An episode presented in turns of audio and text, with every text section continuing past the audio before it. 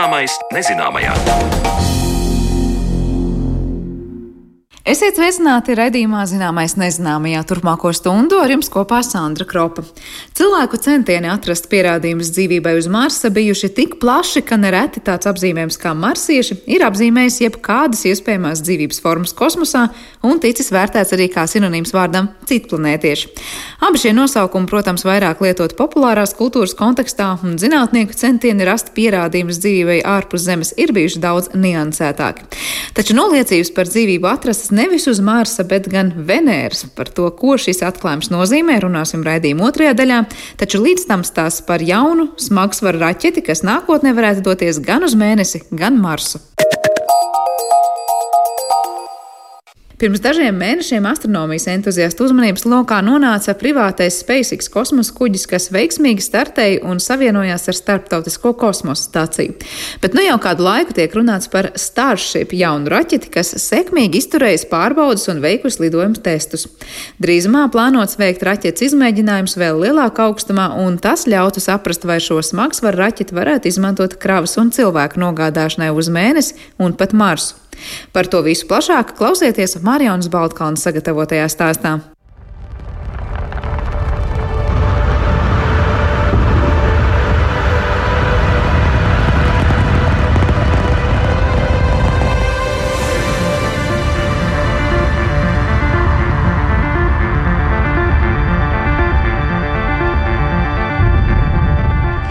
Starship ir uzņēmuma SpaceX un tā dibinātāja Ilona Maska projekts, kas pieteikts jau agrāk un beidzot tiek realizēts.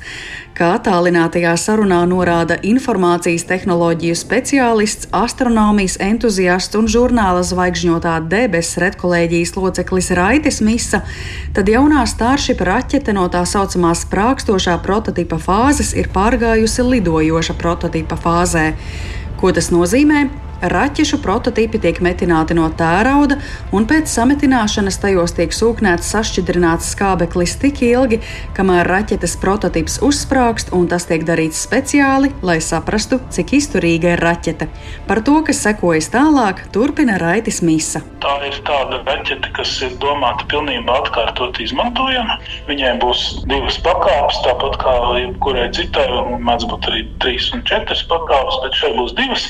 Pirmā būs būs tāds vienkārši kā pātrinātājs, kas iedos to sākuma spēku, lai atrautos no zemes un tiktu bišķīt augšā kādus kilometrus, droši vien 20, un tad būs tā otrā daļa, kas būs pats tas kosmosa kuģis, kas tad arī aizlidos tālāk kosmosā un nonāks orbītā.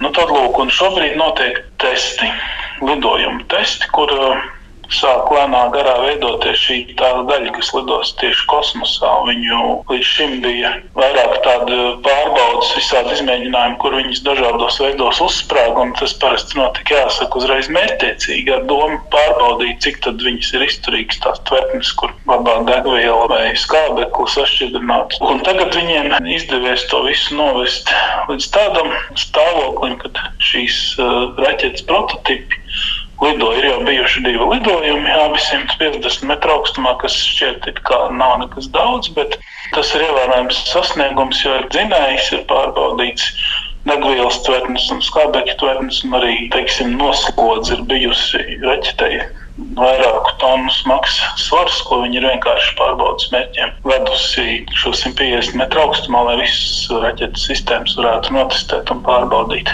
Kas interesanti, tad uh, visdrīzākajā oktobrī notiks nopietnāks lidojums, kur uh, lidojuma augstums būs jau 15 km plānots. Tas jau ir jau uzskatāms par tādu nopietnu izmēģinājumu, jau 150 metrus. Nu, tas tiešām nav augsts, tas tāds jau ir, un tas tiešām tikai parāda to, ka viņi faktiski nu, spēj atrauties no zemes un nosēsties, un vairāk neko citu jau arī neparāda. Tad šajā 15 km izmēģinājumā tur jau būs pilnīgi citādāk. Tur viņi pacelsies augstumā, kas ir uh, nu, virs pasažieru lidmašīnu lidošanas augstumu, un tas jau ir uzskatāms par tādu nopietnāku izmēģinājumu, kuru rezultāti noteikti šo projektu krietni pavirzīs tuvāk kaut kādām jau liederīgas kravas vešanas iespējām. Mērķis ir uh, radīt šo smagsvaru raķeti, kas faktiski tālāk tiktu izmantot sākumā, lai kaut kādā veidā vai nu nogādātu kravas vai vestu cilvēkus uz mēnesi. Ar domu nākotnē, ka tas īstais mērķis faktiski Ilonam Maskam ir uh, Marsa apgūšana un tieši ar pilotējumiem lidojumiem, tieši lai tur cilvēki sāktu dzīvot uz Marsa tas, tas galamērķis faktiski šīs raķetes izveidē.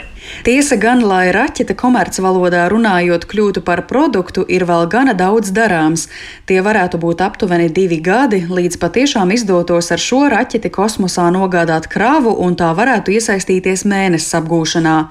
Jaunas raķetes izveide ir ilgs process, un par to arī tālāk iztaujāju Raiti Misu, kā tad tieši tas notiek. Tas process varētu notikt apmēram tā, ka pirmkārt skaidrs, ka šādas raķetes, ko rada privātas kompānijas, ir galvenokārt komercprodukts. Viņi tātad tiek radīta biznesa mērķim faktiski. Nu, šajā gadījumā, protams, tie ir kosmiskie lidojumi, ar domu, ka tas būs kā pakalpojums, ko pārdos. Un tad skatās, kāds ir tirgus, kāds ir piedāvājums, ko konkurenti dara. Un šajā brīdī pieņem kaut kādus lēmumus. Vai arī ir mērķis, otrs variants. Tad, kad šis mērķis ir definēts, skatās, cik jaudīgu raķeti, lai to izdarītu, vajag. Un šajā gadījumā saprata, ka vajag raķeti, kas var noteiktu kravas daudzumu nogādāt orbītā un pēc tam tālāk uz mēnesi vai marsu. Savukārt par to, kādus materiālus izmantot, par to lemjā tajā fāzē, kad šo raķetu projektēja. Šajā gadījumā bija interesanti tas, ka viņi paņēma un vienkārši izrēķināja, cik tā raķeta maksātu, ja viņi gatavo, piemēram, noglekļu šķiedras, kas ir diezgan tipisks materiāls kosmosa un arī avio industrijā. Un cik viņi maksātu, ja viņi metinātu vienkārši no nerūsoša tārauda? Un sanāca tā, ka tā cenas starpība tur bija tūkstoši reizes apmēram tīra materiāla cena. Plus tas, ka šo šķiet ir daudz grūtāk apstrādāt. Tēraudas lokus vienkārši izloku pareizā formā, sametina un, un raķeita gatava. No, nu, apmēram tā. Un, un šādi mēģinot, rēķinot, skatoties, tas projekts lēnām virzās uz priekšu. Beigās ir raķete.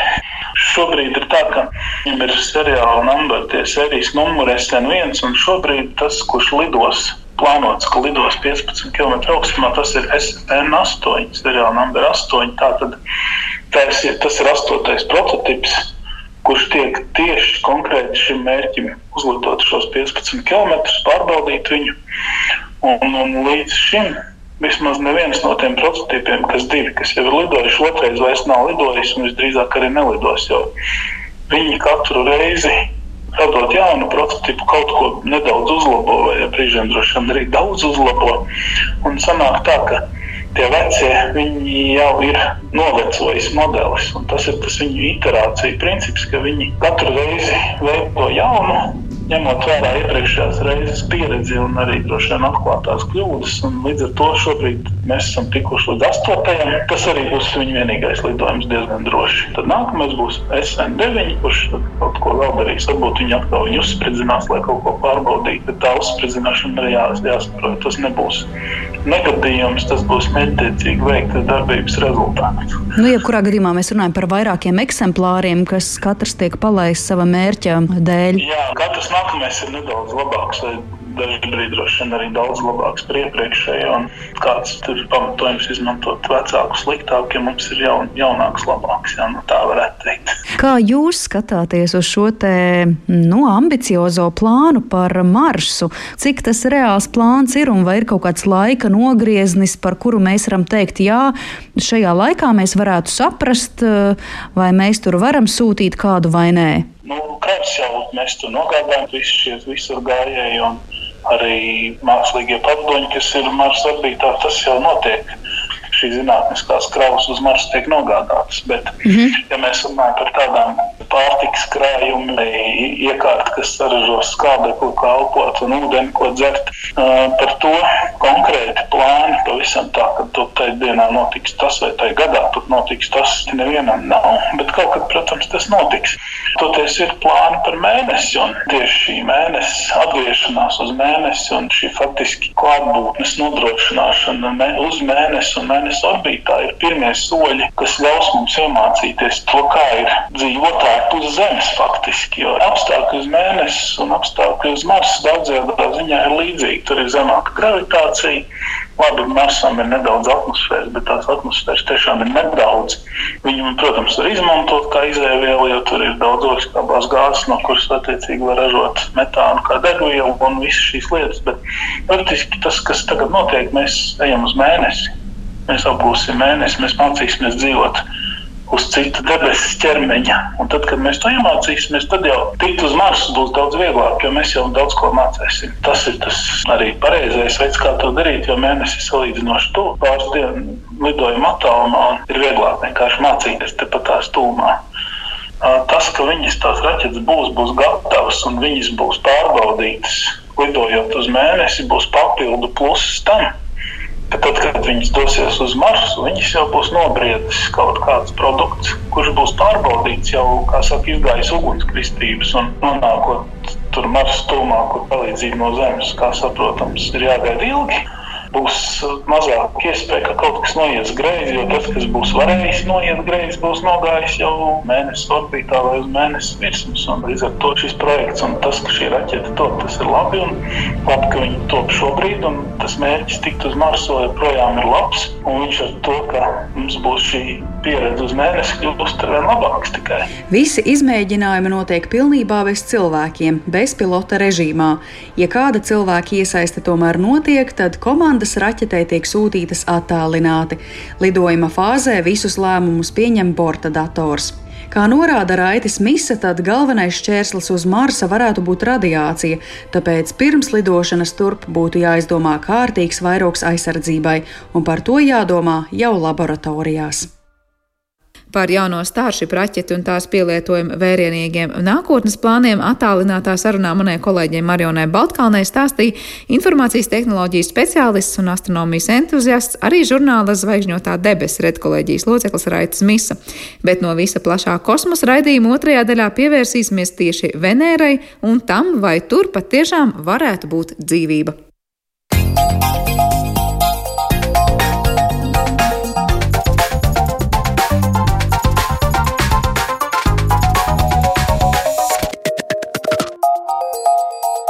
Zināmais nezināmajā. Pavisam nesen pētnieku grupa, kas seko līdz notiekošajam uz Venēras, paziņoja, ka uz šīs planētas atrastas liecības par fosfīna klātbūtni. Tā ir gāze, kur uz mūsu planētas ražo mikroorganismi. Vai tas varētu norādīt uz dzīvības klātbūtni arī uz Venēras? Atbildes mēs šodien meklēsim arī raidījuma atlikušajā daļā, kad pie mums studijā viesojas Latvijas Universitātes mikrobioloģijas un biotehnoloģijas institūta vadošais pētnieks Jānis Liepiņš. Labdien! Sveicināti! Un Latvijas Universitātes astronomijas institūta pētnieks Vilgons Vilks. Sveicināti! Labdien! Tad kopā mēs esam šobrīd gan no astronomijas, gan bioloģijas puses sanākuši, lai paskatītos uz šo atklājumu.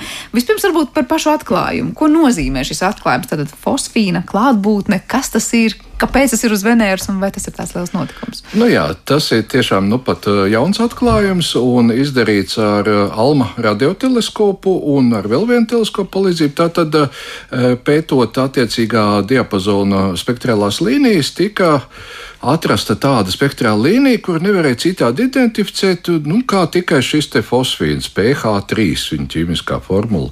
Un, nu, tad sāka domāt, un es paskatījos eh, to arī pašu to, to raksta eh, sākumu, zinātniskā raksta.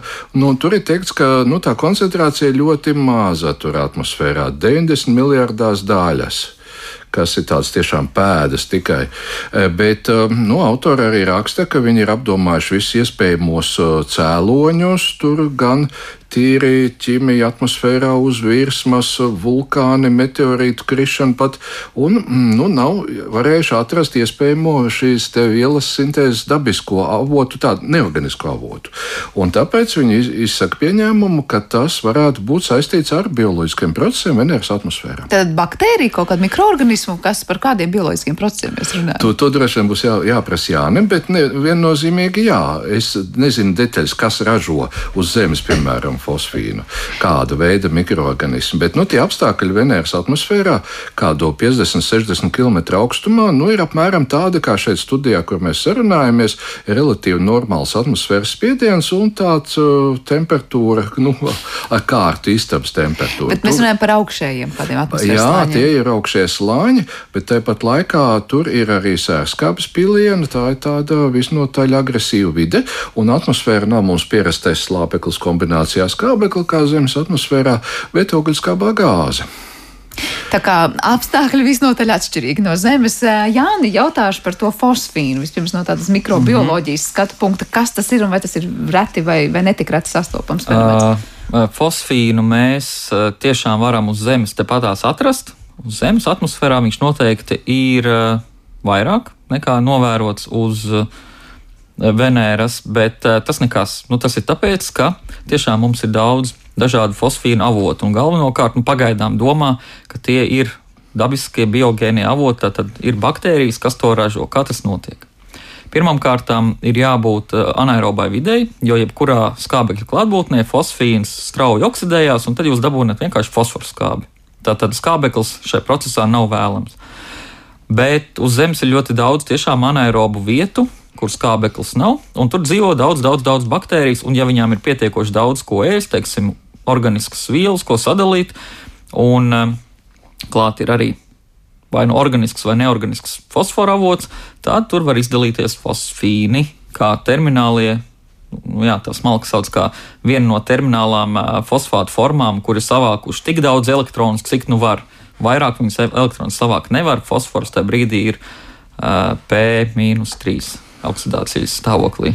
Nu, katrā ziņā uz Zemes fosfīns mums ir pateicoties tam, ka mikroorganismi bez skābekļa vidē to Jā, saražo. Tiesa, būsim, būsim godīgi, ir dažas lietas, kas, manuprāt, nu tagad es sākšu mazliet paspēt, pafantazēt. Mēs labu laiku domājām, ka daudzas lietas nu, uz Zemes, piemēram, radās baktēriju darbības rezultātā, bet jo vairāk mēs iepazīstamies ar dažādu lēnu lēnu procesu ķīmiju, izrādās, ka dažas no lietām var tikt ražotas arī neorganiski, tikai ļoti, ļoti lēnām. Piemēram, organiskās skābes var tikt ražotas lēnām, aminoskābes un tam līdzīgas lietas, un mēs nezinām, varbūt, ka mums vēl nesaprotamā veidā tas pats var arī fosfīns ir šāds piemērs. Bet tad, kad tās aminoskābes, tad kādā veidā, kas tās ražo tajā lēnajā procesā šeit uh, Zemes? Ka tur neiesaistās nekāda tur cita nu, dzīve. Dotajā brīdī es baidos, ka tas īsti nenotiek, tāpēc, ka atkal mums ir skābeklis. Skābekļa klātbūtnē viss, jebkas, kas ir radies, tiek oksidēts. Un plus mums ir mikroorganismi, kas visu, kas ir radies organisks, īstenībā apēda. Tā kā nekas pāri īsti nepaliek. Bet tur citās vietās, vai arī zemes ļoti, ļoti, ļoti senā laikā, kad zeme sāka attīstīties, kad šeit nebija skābekļa, visi šie procesi kā reiz noveda pie dzīvības rašanās, gan uzkrājās tās organiskās vielas, tās, līdz pat cukuriem, līdz pat nukleotīdiem. Brīnum lietas varēja notikt. Kur šis fosfīns tālāk iesaistās? Nu, piemēram, labi, mums uz Zemes tas arī tiek saražots. Uh -huh. Šajā gadījumā nu, mēs vairāk vai mazāk sakām mikroorganismu klātbūtnē. Mēs par baktērijām vispār runājam. Mikroorganismi, jā, visticamāk, tās ir baktērijas, tās ir uh, sulfātu reducējošās baktērijas. Tad baktērijas jā, tur būs pie vainas. Kas notiek tālāk? Tas fosfīns tālāk tiek iesaistīts kaut kādās ļoti nozīmīgās reakcijās. Nu, var teikt, mums tas ir dzīvībai svarīgs un, var teikt, tas būs pamatieģelīts. Nu, pats fosfīns kā tāds ir mazliet indīgs.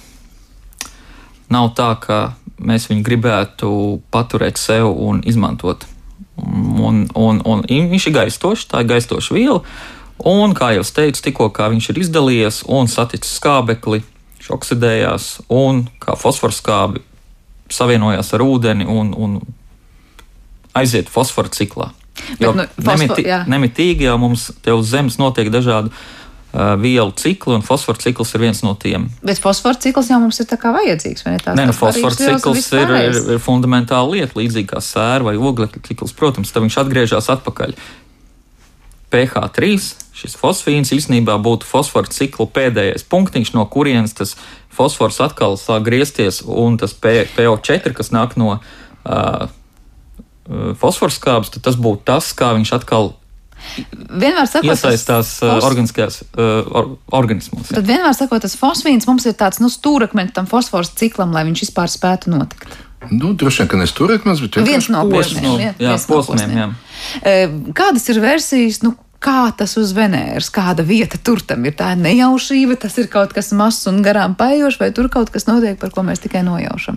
Nu, acīm redzot, tas ā, tālākais, ka faktiski versijas jau var izvirzīt visdažādas un fantastiskas, bet ā, tālākais, ko vajadzētu darīt, vajadzētu reāli tā tad ā, veikt aktīvu nevis no Zemes, bet jau no Venēras orbītas aktīvu Venēras atmosfēras izpēti, lai atrastu, identificētu šos te fosfīna avotus. Vai viņš rodas atmosfērā, viņš nāk no virsmas tā joprojām. Ā, Šāda iespēja patreiz nav. Tur ir ā, pie Venēras tikai viena Japāņu zonde, kas turklāt vēl riņķo tādā ļoti izstiepta eliptiskā orbītā un tikai neilgu laiku uzturs planētas tūmā. Jā, viņa pēta mākoņus, bet viņai nav atbilstošās aparatūras, un tuvākajā laikā nav paredzēts palaist jaunu zondu uz turieni. Tad sanāk tā, ka mēs tā kā šobrīd tā kā mazliet zaudējam iespēju vairāk izpētīt, kas tur ir, vai tas fosfīns tur joprojām būs arī pēc nezinu cik gadiem, kad varbūt kādu jaunu zondu mēs varētu turienē aiz- aizsūtīt. Nu, tas atkal drīzāk būtu jāņem jāprasa, bet uh, nu, droši vien nu, vai, nu, tā var būt, ka tas ir tāds pēkšņs. Lai gan neko nevar zināt.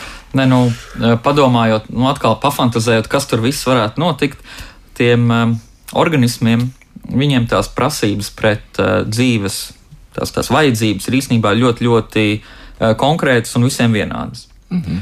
uh, Fosfīns šajā gadījumā ir viela, ar ko organisms acīm redzot atbrīvojās no pēdējiem elektroniem, kurus citur viņš vairs nevar nogrūst.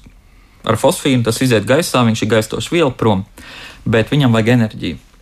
Un, eh, ja mēs skatāmies uz šiem te nu, vienīgo iespējamo dzīvībai draudzīgo vidi, šos mākoņus, tad, eh, ja tur ir CO2 un ja tur ir saules gaisma, tad pirmais, kas nāk prātā, tā būtu fotosintēze. Mhm. Tātad fotosintēzējuši organisms, kurš kā pēdējo elektronu akceptoru izmanto fosfīnu. Un, ja tā ir fotosintēze, tad eh, tā fosfīna izdalīšanai būtu kaut kā jāiet ciklā ar gaismu, ar to, kā tā, tā planēta tiek ap, apgaismota. Es nezinu, kāda ir, eh, kādas ir iespējas uzņemt eh, mākoņu spektrus, vai tie ir apgaismoti vai nav apgaismoti, vai tuvāk saulē vai tālāk no saules, bet man liekas, jābūt kaut kādai korelācijai starp šo signālu un to, cik daudz saules gaismas saņem šī planēta. Nu, tas nozīmē, to, ka tātad, no Zemes eh, pievēršoties šim jautājumam rūpīgāk, un starp ne tikai tajā konkrētajā viļņa garumā bija rakstīts, ka var, vēl kaut kādā varēja uzķert eh, šo te, um, fosfīnu klātbūtni, uh, ka ir jāturpina pētījumi no Zemes, kamēr nav iespējams to darīt šeit uz vietas. Jā, jo tās iespējas jau ir dažādas. Tur ir, uh, nu, šajā gadījumā te nav karstu spīdošu gāzu. Es, es neizpētīju sīkāk, ja godīgi, bet es domāju, ka tas ir caurījošās gaismas spektrs, ka tā tad ir. Um, nu, saules gaisma apgaismo. Bet, kas attiecas nu, vispār uz to nu, izpratni par dzīvību, arī kā, kā to as- astronomi parasti traktē, nu, ka ir vajadzīgs šis stabilais enerģijas avots. Un šajā gadījumā tas ir. Tā saules gaisma ir uh, stabila, ilg, ilgstošā periodā nemainīga, un jau kaut arī pati Venēra griežas ļoti lēni, un tas nozīmē, ka viena puse saulē sasilst, otra atdziest. Mākoņu līmenī tas notiek. Tur lejā ir tā siltumnīca efekta dēļ visu laiku pastāvīgi tie kārta plus 470 grādi uz virsmas. Bet mākoņos šīs temperatūras izmaiņas notiek, bet um, atmosfērai pašai ir sava rotācija, kam ir īsāks periods. Tas nav tās vairāk kā simts dienas kā pašai planētai. Līdz to atmosfēra re, regulāri saņem to saules gaismu. Kādi ir paredzēti tie tālākie pētījumi, kaut kā šeit pat no Zemes? Ko tagad astronomijas lauciņā gribas saprast? Vai tas ir tāds bijis spēriens un motivācija kaut ko tagad jaunu tur skatīt? E, Es e, neesmu speciāli meklējis, bet e, nu, tā reāla piezīme šajā zinātniskajā rakstā bija, ka ir jāturpina nu, sekot šie, ar tiem pašiem radi, esošiem instrumentiem, jāturpina sekot šai fosfīnu gāzei. Varbūt koncentrācijas izmaiņas, nu, teiksim, tur jau tā iegūst to spektrālu līniju un tad formāli izrēķina to iespējamo koncentrāciju. Tas jau nav mērījums atmosfērā uz vietas. Es domāju, tā varētu atgādināt cilvēkiem par to, kā iegūst šādus nu, re rezultātus. Tad neviens tur nav aizbraucis un paraugu paņēmis. Tas ir uh, aprēķins, bet pirms tam tātad, ko ieraudzīja šie teleskopi? Kas ir tas spektrs, par ko tas signalizē? Jā, nu tad ir, ir kaut kāds ķermeņa starojums, un tajā starojumā tad ir vai nu tā saucamās absorpcijas līnijas, kad starojums kaut kādā noteiktā nu, krāsā, ja runājam par gaismām, var teikt, gaismas krāsā šajā gadījumā plašāk viļņa garumā uh, samazinās, vai ir otrādi gadījumi, kad ir palielinās tā saucamās emisijas līnijas, kad vairāk staro. Nu, tas ir tas, ko reāli nofiksē. Un tad, uh, zinot jau, kā vispār uzvedas molekulas, kādas ir molekulu īpašības, tad meklē, kāda, kāds savienojums vai atoms atbilst uh, lūk, šim te starojuma viļņu garumam. Tā kā var teikt, ir tāda novērojuma un aprēķina, un pēc tam pārēķina, un var teikt, nu, tā kā mēs saliekam to bildi pēc tam tikai plašāk Jā. kopā. Kā mikrobiologi skatās uz to atklājumu? Tas ir kaut kas tāds nu, jauns, pārsteidzošs, daudzsološs, vai tīri tā, nu, rezervēts? Uh, ne, nu, man, man būtu liels pārsteigums, ja uh, organismi tiešām varētu dzīvot vidē, kur nav šķidrums, tādā izpratnē, kā mēs to saprotam. Uh, bet ir šie sērskābes pilieni vai tvaiki tādā diezgan difūzā tādā vidē. No vienas puses kaut kāds mitrums tur ir, bet no otras puses um, tā nav tāda. Ok, mēs uz Zemes atmosfērā arī zinām, ka mums tur cirkulē milzums daudz sporas, un baktērijas un sēnes un tam līdzīgi, bet viņas vismaz, kamēr viņas ir atmosfēras fāzē, viņas tur īsti nevairojās. Viņas tur tiek uznestas, un tad kopā ar lietu viņas nonāk lejā. Uh, Bet eh, šeit mēs runājam par dzīvības eh, visu procesu, kas ir tikai mākonī. Kas, manuprāt, ir ļoti aizraujoši. Eh, ir dažas spekulācijas citu, par to, kas notiek uz Venēras. Ka, un tas atkal jautājums, vai tā tiešām varētu būt, jo tā izskatās no malas, ka tie mākoņi īstenībā sastāv no dažādu izmēru daļiņām.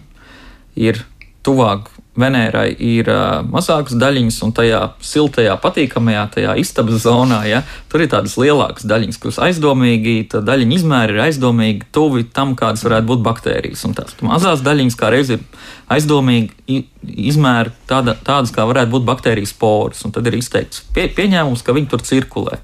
Tātad baktērijas uh, saražo vai, vai, vai izaug lielākas, nodalās dažas reizes tajā istabas zonā, un tad ar gravitāciju lēnā garā krīt lejā, un tad viņas iekapsulējās. Daļa mirušās nokrīt pavisam lejā, bet uh, daļa, kas uh, spēja izdzīvot, viņas uznes atpakaļ istabas zonā, un tad viņas atkal vairojās, un tad krīt lejā, un tā, tādā veidā cirkulējot starp divām uh, mākoņu zonām. Bet tas joprojām ir tie augšēji atmosfēras slāņi, ja mēs no, nu, tikai jo pārāk zemes nolaisties Jā. nevar, jo mēs runājam par organiskām vielām. Mm. Augstā temperatūrā zūd mm -hmm. šīs saites, nu, vismaz par olbaltumvielām, un, un viņas nevar, nevar uzturēties šādos apstākļos. Redz, arī kur citur astronomi vispār meklē dzīvību kosmosā. Viena tāda ļoti mm, piemērota vieta ir starp zvaigžņu putekļi kur uh, gan ir ļoti zema temperatūra lielākoties, jā, bet tur ir ultravioletēs starojums, tur tiek kāds molekulas sašķelts, notiek kādas ķīmiskās reakcijas. Tās vēl nav, nav saistītas ar dzīvību, tas ir tās prebiogēnās, pirms bioloģiskais laiks, tie ir tāda kā nosacīta ķīmiska evolūcija, bet tur uz šiem putekļu graudiem veidojās eh, gan eh, sarežģītas vielas, ieskaitot organiskās. Bet tā tomēr ir lūk tāda vide, ko Jānis raksta, kur tās vielas var koncentrēties tīri gāzveida vidē, tas šķiet daudz daudz mazāk ticams. Kā ar to sērskāpes klātbūtni Venēras tajos augšējos slāņos? Jūs teicāt, tur vienalga ir tā klātbūtne. Nu, tas nav tā kā, kas uzreiz liktos, kā tajā vidē tur vispār tās nu, kaut vai baktērijas var izdzīvot. Uh, mums tepat uz Zemes ir dažādi piemēri kur organisms spēja pielāgoties arī ļoti šādiem skarbiem skābiem vai, vai sārmainiem apstākļiem. Nu, labi, tie ir divi ekstrēmi. Ir skābi, ir skābi pH 1, pH 0,5 un mazāk, un sārums, protams, ir pH 10, 14 un augstāk. Bet tomēr eh, mums ir piemēri, kad eh, šāda pielāgošanās ir novērota. Ok, tas organisms neaug ātri, dalīšanās laiks ir vairākas dienas, gadi vai, vai gadu desmiti, bet tomēr dzīvība to spēja. Tur ir dažas atrunas. Tātad, um, jums ir jābūt īpašām, īpaši veidotām šūnapvalkam, lai tomēr pārāk neciestu no, no šīs paaugstinātās skābes. Jums ir īpaši jābūt vielmaiņai tādai, kas uzturētu iekšējo vidi ne tik ļoti skābu, jo tā, tie, tie skābes joni nemitīgi nāks iekšā. Un tomēr tas ir iespējams. Tas varētu būt iespējams. Tas varētu būt tā, ka tās Venēras, ja tur tajā atmosfēras slānī ir šie mikroorganismi, kas tur to visu saražo, ka viņi būtu tādi, nu, salīdzinot ar Zemes mikroorganismiem, nu, tādi ļoti atšķirīgi tajā, kāda būtu tie apvalki, kādas būtu tās nu, pielāgošanās spējas tajā dzīvē. Vai tie būtu tādi paši kā uz zemes? Man tā jau, ir tā lielā mīkla. Jā, jā, jā, jā, jā. Jo, protams, mēs skatāmies uz jebkuru potenciālu uh, dzīvības nesēju vai uh, nu, vietu, tad mēs domājam no tās perspektīvas, ko mēs pazīstam. Mm -hmm. tad, tad mēs pirmais, ko meklējam, dzīvību, kādu to pazīstam mēs, kas kam ir līdzīgs, līdzīga vielmaiņa, līdzīga darbības principi. Tad, tad tā ir, tie, tie ir organismi, kas varētu fotosintēzēt, izmantot CO2 kā uh, uzbūves pamatelementu. Tie ir organismi, kam vajag tos elektronus, lai dzīvotu elektronu transporta ķēdi, lai daži no viņiem elpo un tam līdzīgi. Uh, plašāk padomājot, nu, godīgi, jo ilgāk es teiksim, iepazīstu, jo vairāk es iepazīstu oglekļa bāzētu dzīvību tepat uz Zemes, izskatās, ka nav pārāk daudz variantu pie dotajiem ķīmiskajiem šiem likumsakarībām, kādi mums piedāvā ķīmija, un atmosfēra un saule, lai rastos radikāli savādāka dzīvība. Bet, ja, piemēram, arī minēja tos apstākļus, kuros, piemēram, nu, nezinu, tām baktērijām būtu jāizdzīvo tur ar mazliet citādāk kaut kādu savu iekšējo uzbūvi vai mm -hmm. vielmaiņu, mm -hmm. Tas varētu likt domāt, ka, jā, varbūt nu, Venēra vai vēl citas vietas, kur meklēt dzīvību kosmosā, varētu būt tā vieta, kur tās pašas mums liekas baktērijas, nu, bet dzīvos ar pilnīgi neiedomājumu citādāku uzbūvi vai kaut kādus procesus uh, caur sevi laidīs, ko mēs teiktu, tas nevar notikt. Mm. Nu, tā vide viņām liks izmainīties. Nu, es gribētu teikt, ka tai bāzei, tam ogleklim, tomēr diezgan ticam ir jābūt. Jā. Jo tas viens no izplatītākajiem elementiem visumā, nu, protams, tur ļoti daudz ūdeņraža un, un helija, bet pēc tam tur trešajā, ceturtajā vietā ir ogleklis. Un ogleklis, atkal no ķīmijas viedokļa ļoti labs, ka viņš veido ļoti pateicīgs, tā sakot, veido ļoti daudz dažādu savienojumu. Tā kā tā pati bāze jābūt kā tālāk ir organizēts sarežģītākās struktūrās. E, es pat uh, pakomentētu mazliet no citas puses. Tātad uh, mums ir darīšana šeit uz Zemes ar organismiem, kuri uh, noteiktā veidā spēj sevi atražot. Lai sevi atražot, jums vajag enerģiju, jums vajag no kā sevi uzbūvēt sev līdzīgos, un jums vajag būt spējīgam reaģēt uz kaut kādām izmaiņām vidē, teiksim, un tā.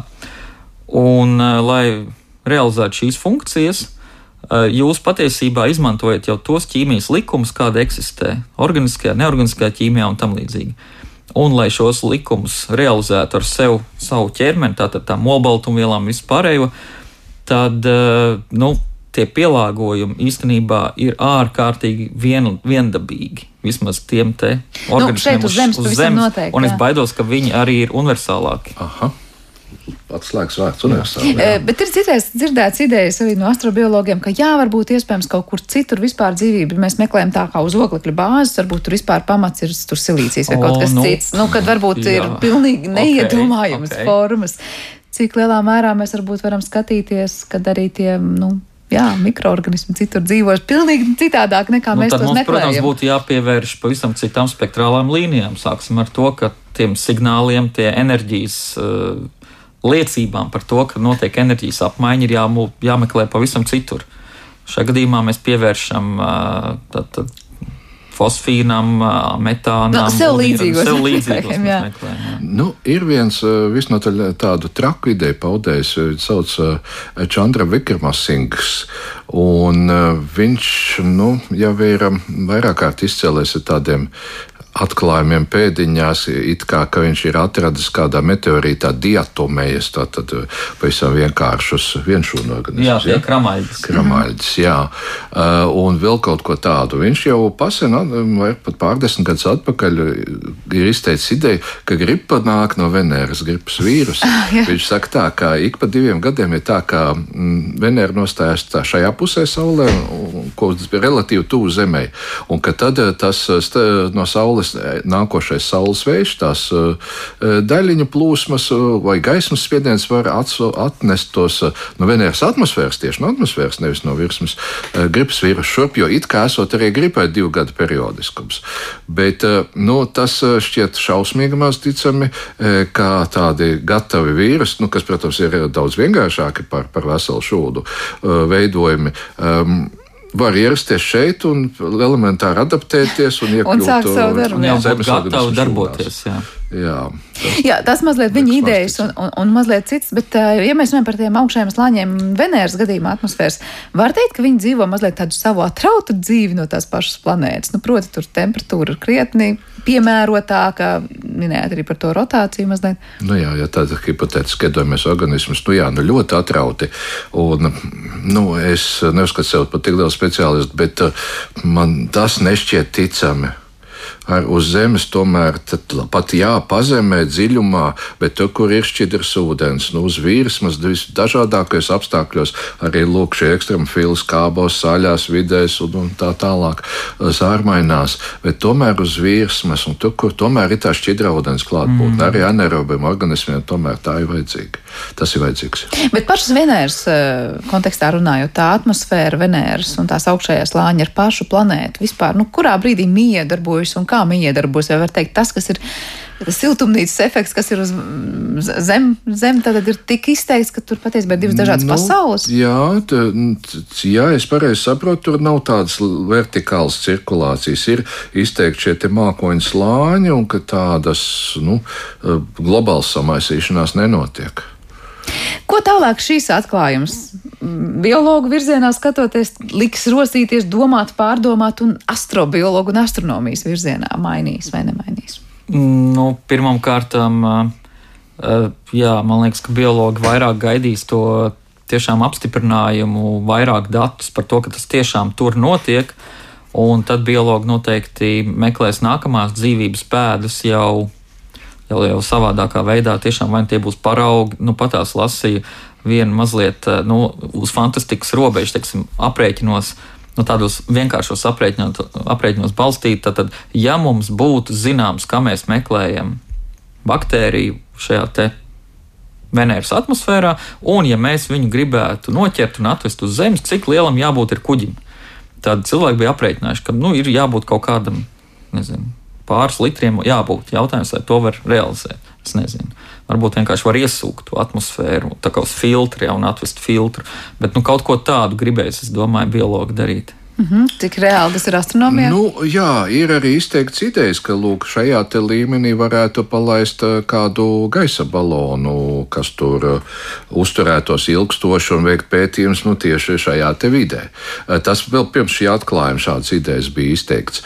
Bet, nu, jā, plašāk, tad nu, ir tās astrobioloģijas pētījumos, tā saucamie biomarķieri, kad lūk, to tālo planētu, piemēram, citu saules sistēmu spektros eh, meklē, nu, ko tur meklē? Nu, protams, skābekli, kas varētu būt tāds labs indikators, metānu, kas arī ir eh, bieži vien biogēnā ceļā rodas un nonāk atmosfērā. Nu, var, es nezinu, vai, bet varbūt kā arī šis fosfīns tad var tikt iekļauts. Eh, kā jauns meklējumu saraksts. Bet bija jau tā Venēras augšējie slāņa atmosfēras tā kā nu, interešu objekts astronomijā, kā, ko tur īsti meklēja, ka tur kaut ko ieraudzīja vispār. Tā bija tāda jau tā kā iekārta vērota pētījuma vieta vai nu, jautājuma vieta? Faktiski nē, vēl ņemot vērā tos, tos ārskavas pilienu klātbūtni, bet vienkārši tā bija tāda vide, kurā ir ilgspējams ilgstošāk uzturēties kaut kāda palaisa zondi, kas tur um, atrastos tādā atmosfērā noteiktā augstumā. Un tad var pētīt pašu atmosfēru, var pētīt ar radaru palīdzību arī pašas uh, Venēras virsmu, jo uz virsmas tajos plus 470 grādos, nu, uh, tur ļoti strauji tas, uh, tā ierīce uzkarst, kas tur ir nolaidusies, un vienkārši elektronika pārstāja darboties uz virsmas. Pat bija izdomājuši mehānisku datoru izmantot, kas varētu tur veikt mērījumus un sūtīt rezultātus, ko darbināt vēja enerģiju. Bet tā ir tikai skaista ideja, tāda, tāda eksotika. Nu, skaidrs viens, ka idejas lēkam būs arvien jaunas un interesantas, un spekulācijas un, un fantazēšanas arī neizpaliks, kas, protams, ir labi. Jo no vienas puses, varbūt, nu, kā saka, brīvs domas lidojums, varbūt ienāk prātā kāda lieta, ko pārbaudīt. Bet, nu, Venēra var teikt, ir pārsteigusi mazliet arī pētniekus ar šo te. Fosfīra klāta. Negaidīt, bet par pārsteigumu parūpējusies. Paldies jums par šo sarunu. Latvijas Universitātes Mikrobioloģijas un Biotehnoloģijas institūta vadošais pētnieks Jānis Liepiņš, kā arī Latvijas Universitātes Astronomijas institūta pētnieks Ilgons Vilks šodien pie mums viesojās raidījumā un par to parūpējās producents Sarmīta Kolāta, mūzikas redaktors Girds Bišs, skaņu režijā bija Kristīna Dēle un studijās Sandra Kropa. Lai mums visiem jauka diena un uz tikšanos!